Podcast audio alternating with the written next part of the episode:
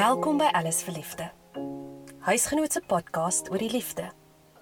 Ek is Karla Kotse en hier vertel ons ware rare liefdesverhale wat jou soms gaan laat lag, soms 'n traan gaan laat pink en ander kere jou mond gaan laat oophang. Dit was Chris se omgee hart wat byna 35 jaar gelede aan Naat se aandag getrek het. In 1986 het hulle ontmoet toe Anaat vir 'n familielid gaan kuier het.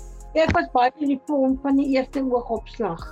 Chris was toe op daai stadium wat ou Christinus was uh, het was op die trein, hy was uh, in die weermag op sy 14 dae pas. En toe het uh, um ek kom ontmoet op die trein en toe, toe sy het my gevra of sy my koue uitvat plek toe en so aan. En ek het weer teruggegaan. Ek het daai tyd in George verpleeg en ek is weer terug George toe toe my maand se verlof verby is. En dit het ons op mekaar geskryf. Jy weet, daai tyd was daar nie selfone van van WhatsApps en en uh goedie, dis maar met die pos. Dit is on, ons is toe in 1988 getroud. Op 'n troufoto glimlag Anaat in 'n wit trourok met die kenmerkende 80 spofmoue. En Chris in 'n deftige liggrys pak kyk liefdevol vir haar. Maar die lewe het vele draaie en swaaye met die egpaar geloop. Twee kinders later en 'n kankerstryd was maar van hulle uitdagings. Maar Chris het ook 'n geslagsverandering ondergaan en staan vandag bekend as Christine. Christine verduidelik sy het nog altyd gevoel soos 'n vrou wat in 'n man se lyf vasgevang is. Want ek het gedog ek is van van loetjie getrek. Want al die jare het so so so oud as ek kan onthou, wou ek glad nie 'n man gewees het. Want ek het my susters se klere gesteel om aan te trek as as, as ek gestres was. En ek was baie lief gewees om vroulike goed te doen in die huis. Dis soos kos kook, en skoonmaak hmm. en lekker goed maak, jy weet en, en kook bak en wat ook al. Christine vertel sy het nooit vir enige van haar geliefdes vertel hoe sy werklik voel nie. In 2000 het sy begin navorsing doen oor die transgender gemeenskap en hoe mense te werk gaan as jy geslagsverandering wil doen. 9 jaar het verloop voor sy per abuis vir haar en haar naat se dogter Karina toe 12 iets gesê. Ek ek het eintlik uitgekom by met met met Karina. Die dag het ek met haar geraas. Toe toe sê ek vir haar die dag, ehm um, luister dit maak van my seder om met jou te raas want ek het 'n klein hartjie soos 'n vrou. En toe gaan sy en sy gaan na Anato. Sy sê dinge vir daar iets iets met pappa hy praat van hy sê hy hy het 'n ander hart. Is dit dan so? Toe Karina nou Anaat my nou vra wat gaan nou aan wat wat ek nou 'n uh, ander hart en goed het.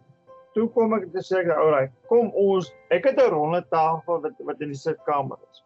En toe roep ek almal bymekaar. Toe sê toe gooi alles op die tafel neer. Dit is die situasie. Dis al die jare wat ek so gewees het.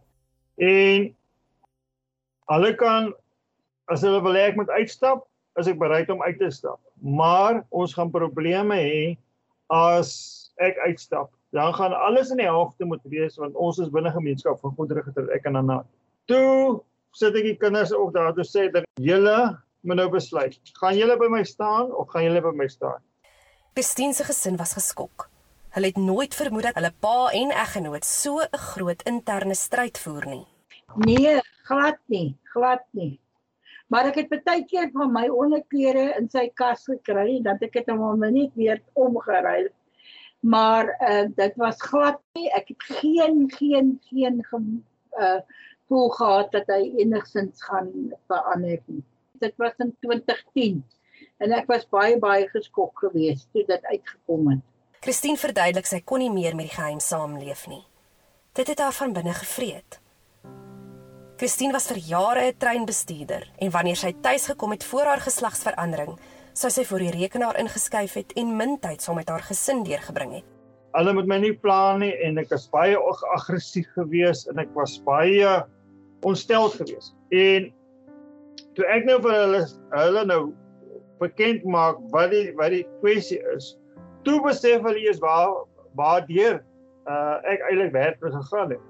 Ek was baie uh brutaal geweest. Ek was baie uh aggressief geweest. Jou weet die die kwessie van jy hou nie van jou liggaam nie, want want jou want, want jou liggaam stem nie saam met jou kom ek sê jou saam met jou siel of of saam met jou brein nie.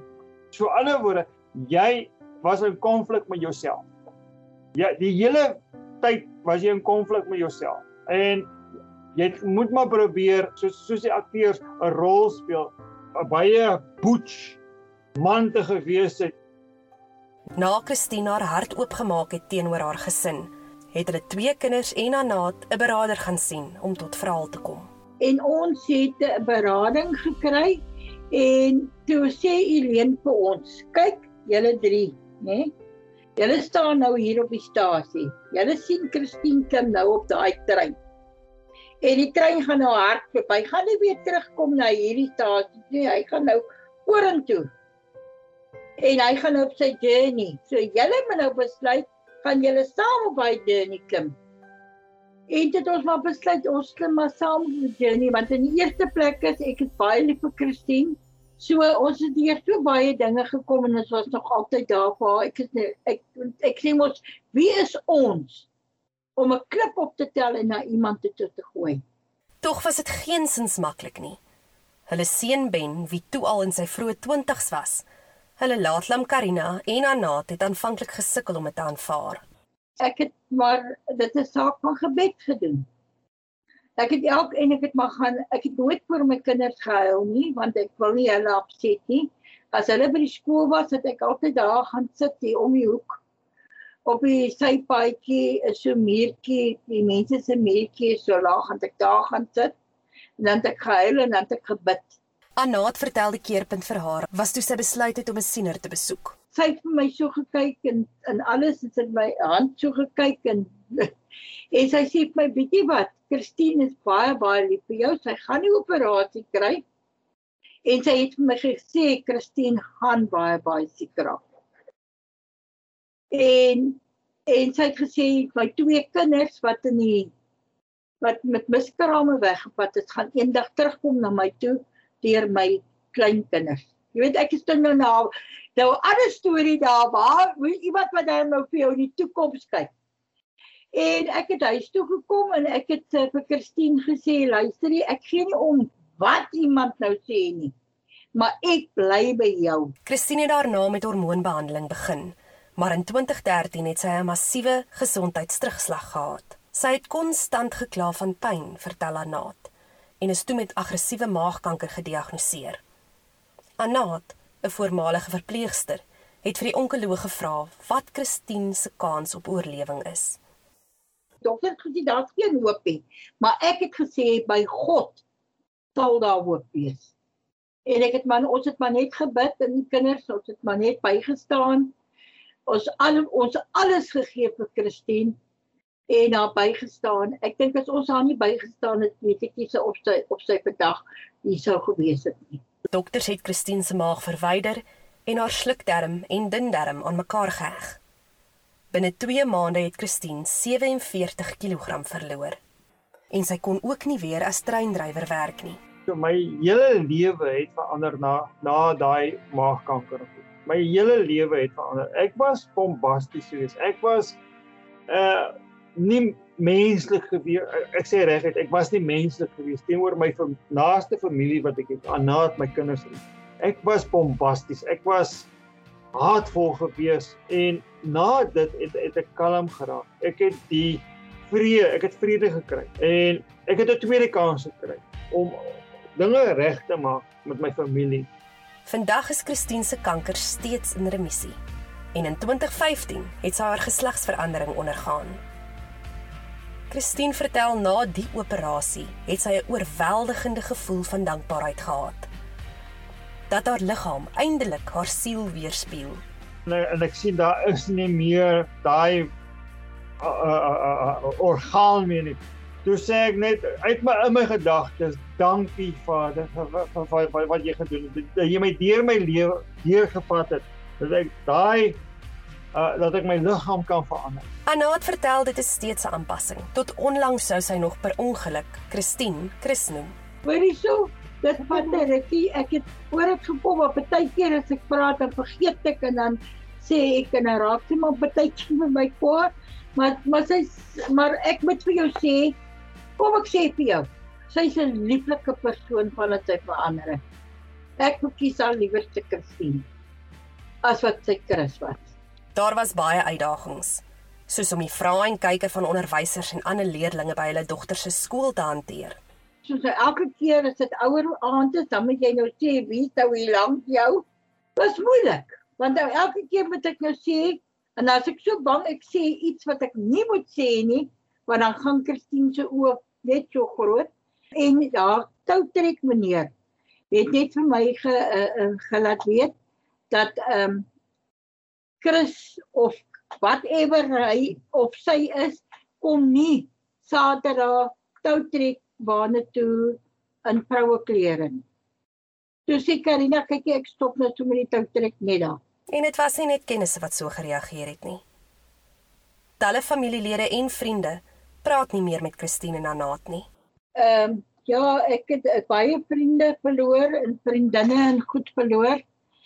Ehm um, Millie ja, Millie het ook ehm um, my afgeskryf. Maar ek het net besluit nee, ek bly. Oor die seksuele aspek van 'n huwelik is Anaat en Christine min gepla. Oh well. Jy het nie nodig om bed toe te gaan of vir iemand te wys jy lief vir iemand nie. En ek het hom God 'n belofte gemaak ek en Anaat het. Tot die dood ons skei. Ek stel nie belang aan ander verhoudings. Die egpaar sê dit was 'n swaar pad, maar hulle staan vas in hulle geloof en hulle beloftes aan mekaar. Ek eh, ons is by mekaar, ons het 'n ons het 'n swaar pad gestap om hier deur te kom en ons wil baie graag ander transgenders ook help.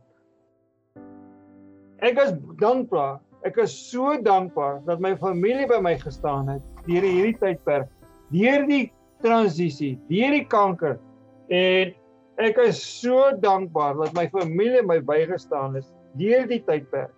Dit wys jou 'n familie kan by mekaar staan as hulle vertrou op jou en dit is uit liefde uit en God se genade. Alles verliefde word deur my vervaardig en geredigeer. Finale klank deur Gys Visser. Indien jy die podcast geniet, onthou om die follow knoppie te druk sodat jy nie uitmis op enige nuwe episode nie. Elke eerste Vrydag van die maand stel ons nog 'n episode bekend. Laat weet ons ook wat jy van die podcast dink deur 'n review op jou podcast app te klik. Dit maak dit makliker vir ander mense om die podcast te vind. Ken jy iemand wat hulle wederhelfte aanlyn ontmoet het? Dalk iemand wat ten spyte van ontrouheid steeds getroud is? Of ken jy 'n unieke liefdesverhaal wat ons moet vertel? E-pos my dan by karla.coetzee@huisgenoot.com. Tot volgende keer wanneer ons die liefde vier.